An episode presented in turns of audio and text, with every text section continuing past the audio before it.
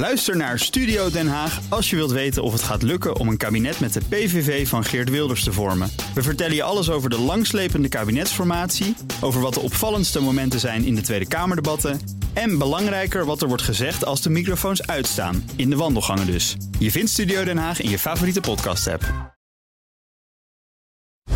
Cryptocast wordt mede mogelijk gemaakt door BitTonic. Al tien jaar lang de Bitcoin-autoriteit van Nederland. BNR Nieuwsradio. Cryptocast. Herbert Blankenstein. Welkom bij de CryptoCast met vandaag crypto-project Ripple scoort in de rechtszaak tegen de SEC. De token XRP is maar ten dele een belegging. En Europa krijgt zijn eerste spot Bitcoin ETF. Deze maand moet de handel van start gaan.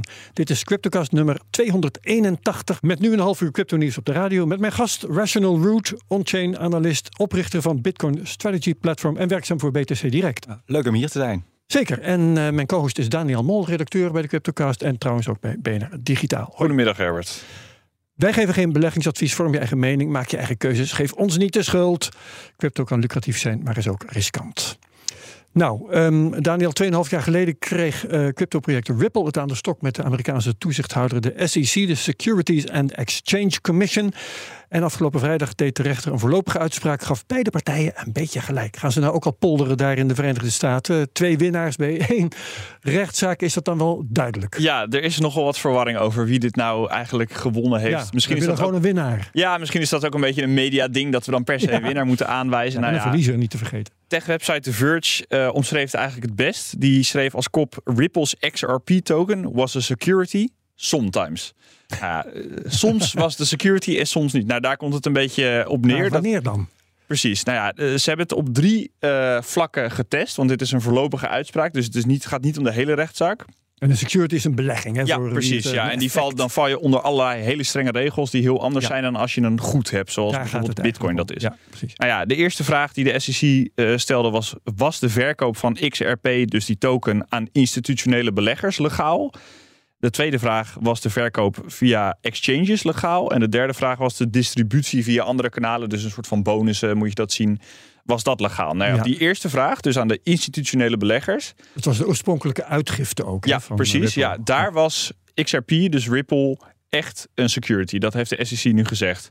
Die twee andere punten, en daarom cla- claimt Ripple nu ook een soort overwinning, is kunnen we dus niet zeggen of XRP een security was. En ja, dan krijg je dus een soort van verwarring van wie. de- Ripple claimt de overwinning, SEC claimt een overwinning. Dus het is eigenlijk heel vaag. En we zijn misschien niet zo heel veel opgeschoten hiermee. Nee, ehm, hoe is dit, eh, dit hele juridische conflict ontstaan? Ja, we moeten dan echt terug naar eh, eind 2020. Eh, die Brett Garlinghouse en Christian Larsen, dat zijn de oprichters van Ripple, die kwamen in een conflict met de SEC. Want het was eigenlijk de eerste keer dat, dat die Amerikaanse toezichthouder zich begon een beetje te roeren.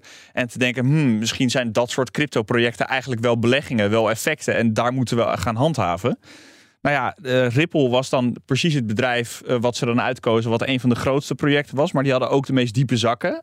Eh, mede omdat die CEO's. Om zich te verweren. Ja, precies. Dus mede om de, omdat die CEO's ook zelf tokens veel verkochten, hebben, hadden zij gewoon een enorme oorlogskas om, om dat juridische conflict aan te gaan. Nou, dat heeft dus drie jaar geduurd. Het had best wel wat gevolgen. Bijvoorbeeld dat Coinbase ja, eigenlijk een beetje de vrees kreeg van... Oh, misschien zijn we hier een security aan het aanbieden. Eh, en toen hebben ze Ripple van het, van het platform afgegooid. Dus Ripple kon Ja. niet meer verhandeld worden. Nou, die prijs kreeg toen enorme tikken. Ja.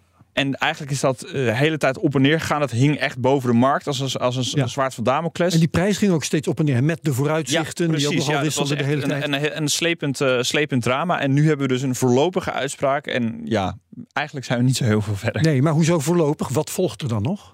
Nou, dit was eh, eh, een uitspraak. Kijk, beide partijen waren het over de ingebrachte feiten eens. En dan kan je dus in het Amerikaanse rechtssysteem kan je alvast vragen: joh, rechter, doe even een afweging. Hoe staat het er ongeveer voor? Eh, nou, op die drie punten die ik net uitlegde, is een afweging gedaan. En dat is dus het soort voorlopige uitspraak van de rechter. Maar er zijn nog heel veel andere dingen die ook behandeld moeten worden. En als er straks een definitieve uitspraak is, kunnen, eh, kunnen zowel Ripple als de SEC ook nog in hoger beroep gaan. Dus we zijn nog lang niet eh, Nee, hier klaar. gaat nog jaren duren. Ja. En vanwege die diepe zakken zullen ze vast ook inderdaad in hoger beroep Precies, gaan. ja. Eh, Rational Root, jij zit hier, je bent wel ehm, in bitcoin gespecialiseerd. Hè? Ehm, is deze zaak belangrijk voor jou? Ja, ik, uh, ik ben inderdaad meer op Bitcoin gericht. En Bitcoin is natuurlijk uh, als enige wel echt een, uh, gezien als een commodity. bij andere coins is dat, is dat dus nog allemaal onduidelijk. En om nog een beetje aanvulling te geven op wat Daniel al zei. er zijn dus inderdaad zo twee winners. Want op, aan de ene kant verliest Ripple of XRP hier, hierbij een beetje. Ze worden gezien als bij die initiële aankopen. Dus dat was eigenlijk ging om 720 miljoen. Ja. die was geïnvesteerd. Dat werd echt gezien als een security. Eh, daarnaast uh, ging het dan bij die retail aankopen, zou het dan gaan om een, uh, om een commodity. Maar dat is eigenlijk niet helemaal terecht. Want eigenlijk in de rechtszaak, als je duidelijk kijkt, dan, dan ging het eigenlijk maar om, dan ging het eigenlijk meer om programmatische aankopen die gedaan werden. En dat waren eigenlijk, ja, je moet dan denken aan algoritmes. Die algoritmes die bijvoorbeeld XRP kopen, maar ook andere coins.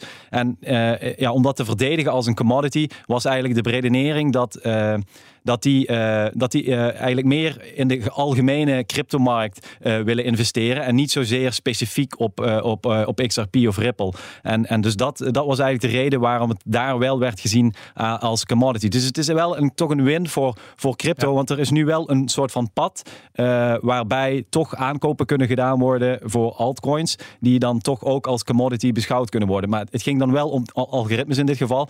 Dus of het nu ja, voor andere coins interessant wordt. Eh, dat, dat gaat toch nog moeilijk. Het wordt eigenlijk echt op transactionele basis bekeken. Hmm. dus bij die eerste aankopen, dat waren een heel ander soort transacties dan die transacties van programmatische aankopen. Dus, uh, dus op transactionele basis wordt gekeken naar de economische realiteit eigenlijk. Ik heb uh, nog, ook nog wel vragen over de prijs van bitcoin, die naar aanleiding hiervan ook wel heeft gereageerd. Maar doe ik straks in het onderdeel over de, de prijsanalyse, waar jij ook het slachtoffer bent straks.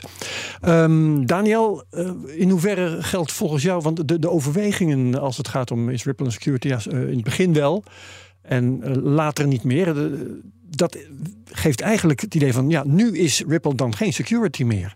Uh, eenvoudig kun je het toch opvatten. Ja, en, en ze hebben ook in die uitspraak stond bijvoorbeeld ook dat de token op zich geen security is. Dus inderdaad, daarin kan je opvatten, het is geen security. Alleen uh, we zijn gewoon nog niet zo heel ver in deze rechtszaak. En bijvoorbeeld, de, er is voor 728 miljoen dollar aan institutionele beleggers verkocht. En dat is dus wel illegaal verklaard door de rechter. Nou ja, dan heb je dus al in ieder geval daar een probleem. Um, dus ja, eigenlijk, kijk, de, de, de afdronk is eigenlijk claimen heel veel partijen hier een beetje de overwinning. Maar zijn we nog niet af van de discussie of er nou een security is? En nee. de, de, de, de sector roept ook al heel lang om duidelijke regelgeving vanuit het Amerikaanse congres. Om nou eens duidelijk te zijn: wat is nu een security en wat is een commodity op het gebied van crypto? En ja, dat, die roep die gaat nog steeds blijven bestaan. Ja, nou dan uh, houden we het daarop. En dan gaan we nu gewoon eventjes naar uh, de prijzen kijken. Ook die van, uh, vooral eigenlijk die van Bitcoin. Maar Rational Root, um, op dit moment uh, staat Bitcoin net even iets boven de 30.000. Uh, op uh, de uitspraak van de rechter daar in de Verenigde Staten in die SEC Ripple-zaak uh, ging de bitcoin juichend omhoog en meteen de volgende dag net zo hard weer naar beneden. Hoe werkte dat volgens jou?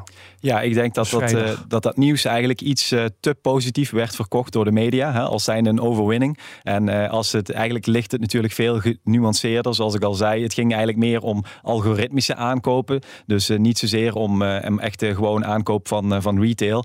En, en, en dus Hoe zie jij dat, dat, dat, als ik vragen mag? Sorry? Hoe zie jij dat, dat aankopen algoritmisch zijn? Nee, dat werd uh, gezegd in die rechtszaken. En het ging eigenlijk om het... oh, op die manier. Ja, ja, ja neem me niet kwalijk. Ik dacht, je bedoelde de, de reactie van Bitcoin op de uitspraak. Want daar ging mijn vraag over. Ja, ja nee, dus de, dus de reactie van Bitcoin, omdat dat, uh, positief, uh, dat het nieuws zo positief werd ontvangen door de crypto community als overwinning, was er gewoon even hype in de, in de cryptomarkt. Ja. En alle altcoins begonnen eigenlijk flink te stijgen. En ja, Bitcoin stijgde daar natuurlijk mee. Maar dat was niet echt sustainable. Hè, dus we, we, gingen inderdaad de volgende dag weer omlaag. en we bleven een beetje op hetzelfde hetzelfde niveau hangen waar we, waar we begonnen. Ja, dat is nu ook aan de hand. Behalve dat ik zie dat er al uh, eigenlijk vijf dagen achter elkaar uh, rode candles staan. Weliswaar kleine rode candles, maar ze zijn rood.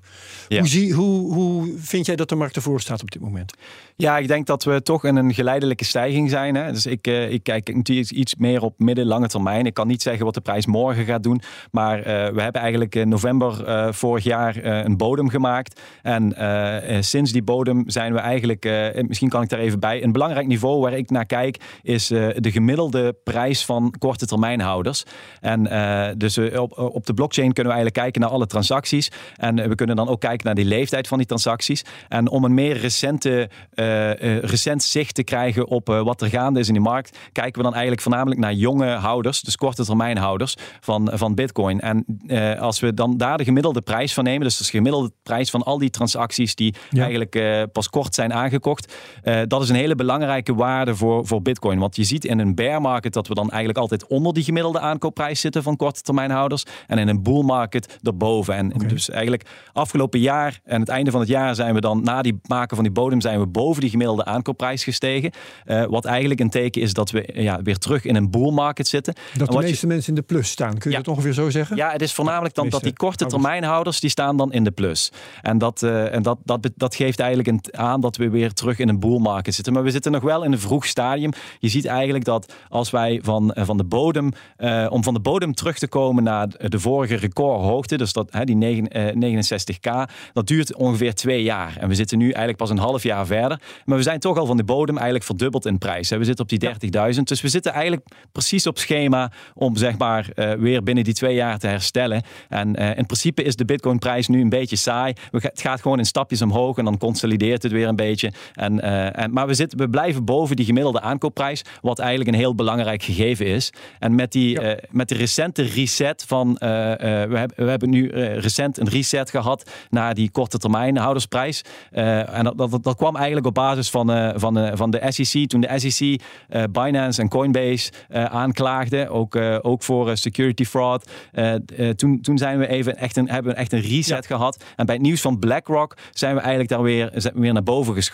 En, ja, dus ik en, denk dat dat uh, heel positief is voor de, voor, uh, voor de verdere gang van, van de boelmarkt. Ja. En op, de, uh, op het nieuws rond XRP gingen alle altcoins omhoog. het is vaak in zo'n in zo'n bear market is het ook een onderwerp van gesprek van jongens, krijgen we een alt season? Hè? Want de altcoins zijn ook nu extra hard gedaald.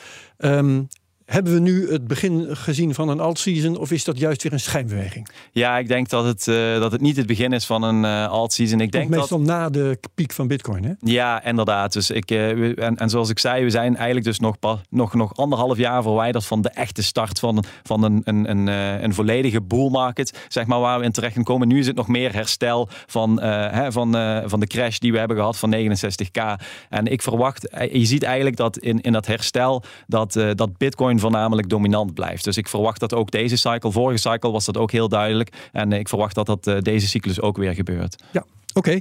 Okay. Um, dankjewel. Um, meer details. Ik zal in dit geval verwijzen naar jouw bron. Dat is Bitcoin Strategy Substack.com. Ja, dat is mijn nieuwsbrief. Ja. Prachtig.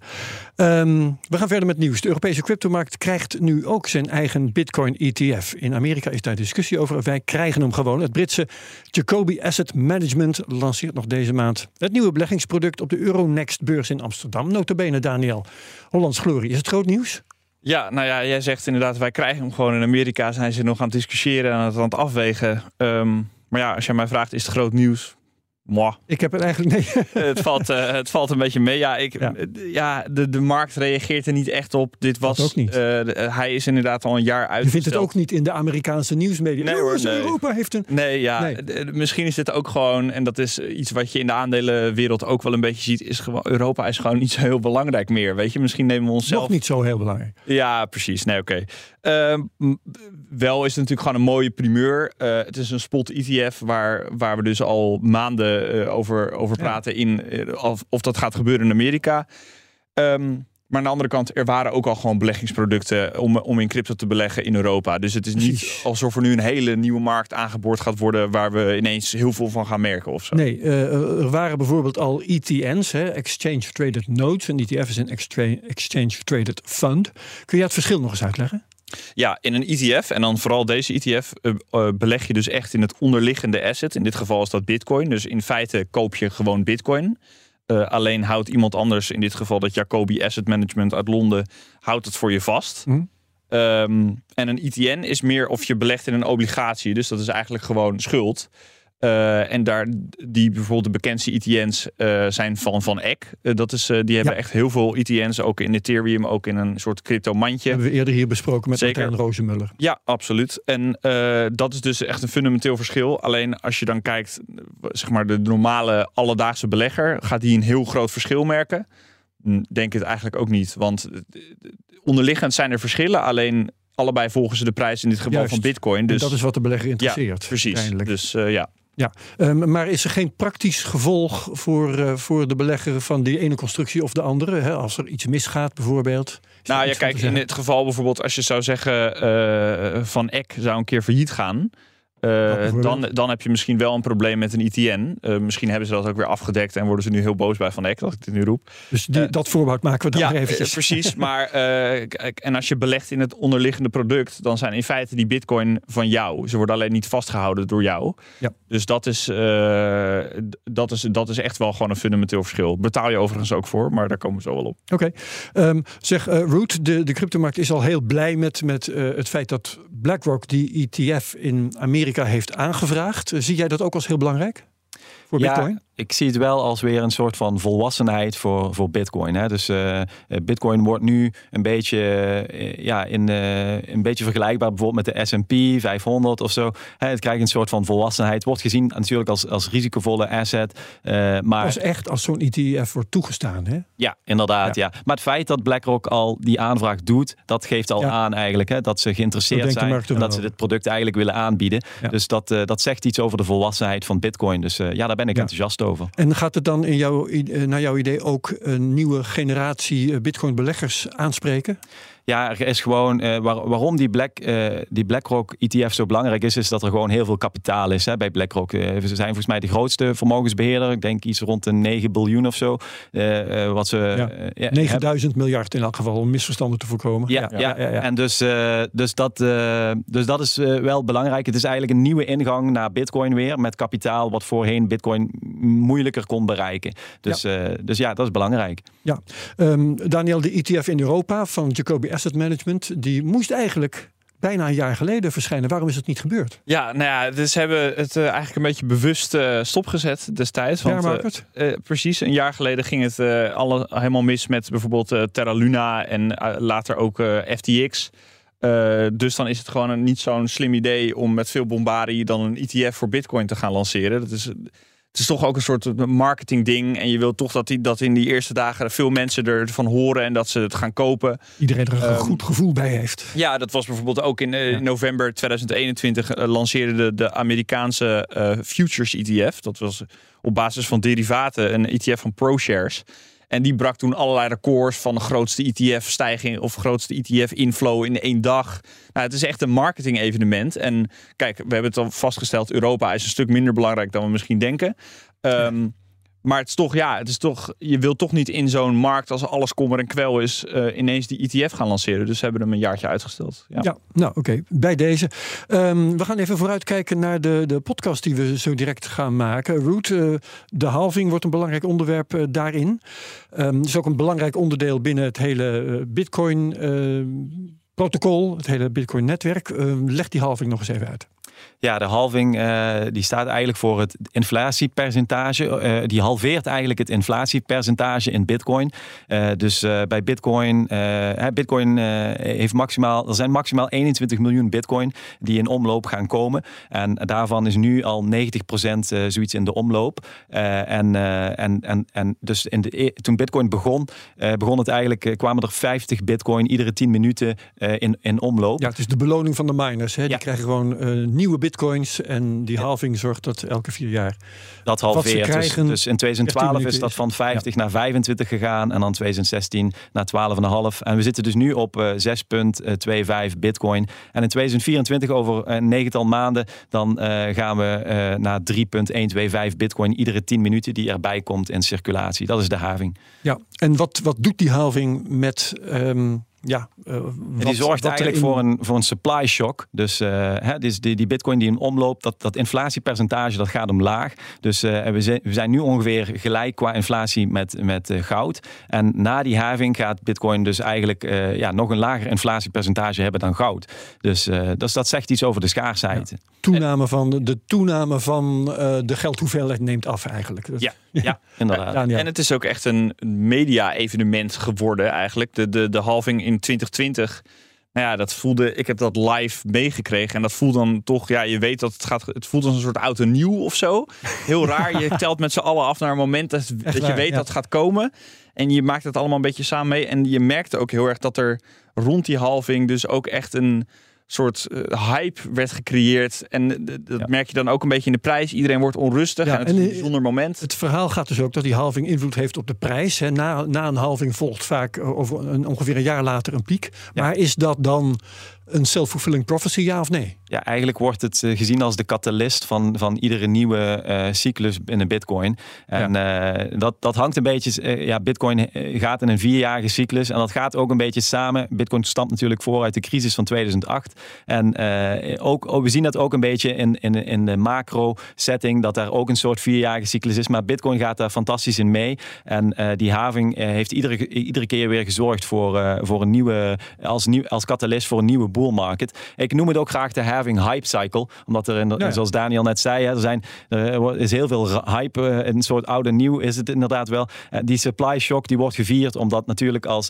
als, eh, als ja, de, het aanbod halveert, hè, of, de, of nieuw, nieuw toekomende bitcoin, ja, als dat halveert, dan krijgen we natuurlijk die supply shock. En dat zorgt, als de, als het, als de vraag gelijk blijft, ja, zorgt dat natuurlijk voor een hogere prijs. Ja, dat is dan de verwachting. Oké, okay, um, ehm, waar we het ook over gaan hebben, en dat is nu in de laatste minuut van deze uitzending. Uh, je hebt een interessante waarneming gedaan rond de halving van 2020. Daar gaan we straks in de podcast over discussiëren. Maar wat, wat was jouw interessante waarneming? Ja, dat eigenlijk sinds die derde halving begint Bitcoin uh, eigenlijk pas echt schaars te worden. Omdat, uh, zoals ik net al zei, of te straks zei, hè, 90% van de Bitcoin die zit al in omloop. Hè, dus 19,5 miljoen van de 21 miljoen die zijn al in omloop. En dat is gebeurd over de afgelopen 14 jaar. En in de komende 100 jaar uh, ja, komt nog maar eens die, uh, die, die 1,5 miljoen wat nog ontbreekt, die komt er dan nog ja. bij. Dus wat zag jij? Ja, Bitcoin vanaf nu gaat eigenlijk pas echt. Uh, ja, we gaan nu pas eigenlijk echt merken wat digitale schaarste betekent. Oké, okay, dus die, wat er beschikbaar is, dat neemt af. En dat is pas sinds die halving van 2020. Ja, eigenlijk uh, omdat het inflatiepercentage zo hoog was in het begin uh, en de vraag eigenlijk een beetje constant was, werd Bitcoin toch, ja, ondanks er natuurlijk een maximum op zit, werd het toch minder schaars. En sinds die derde having begint Bitcoin pas eigenlijk echt schaars te worden. Oké, mooi.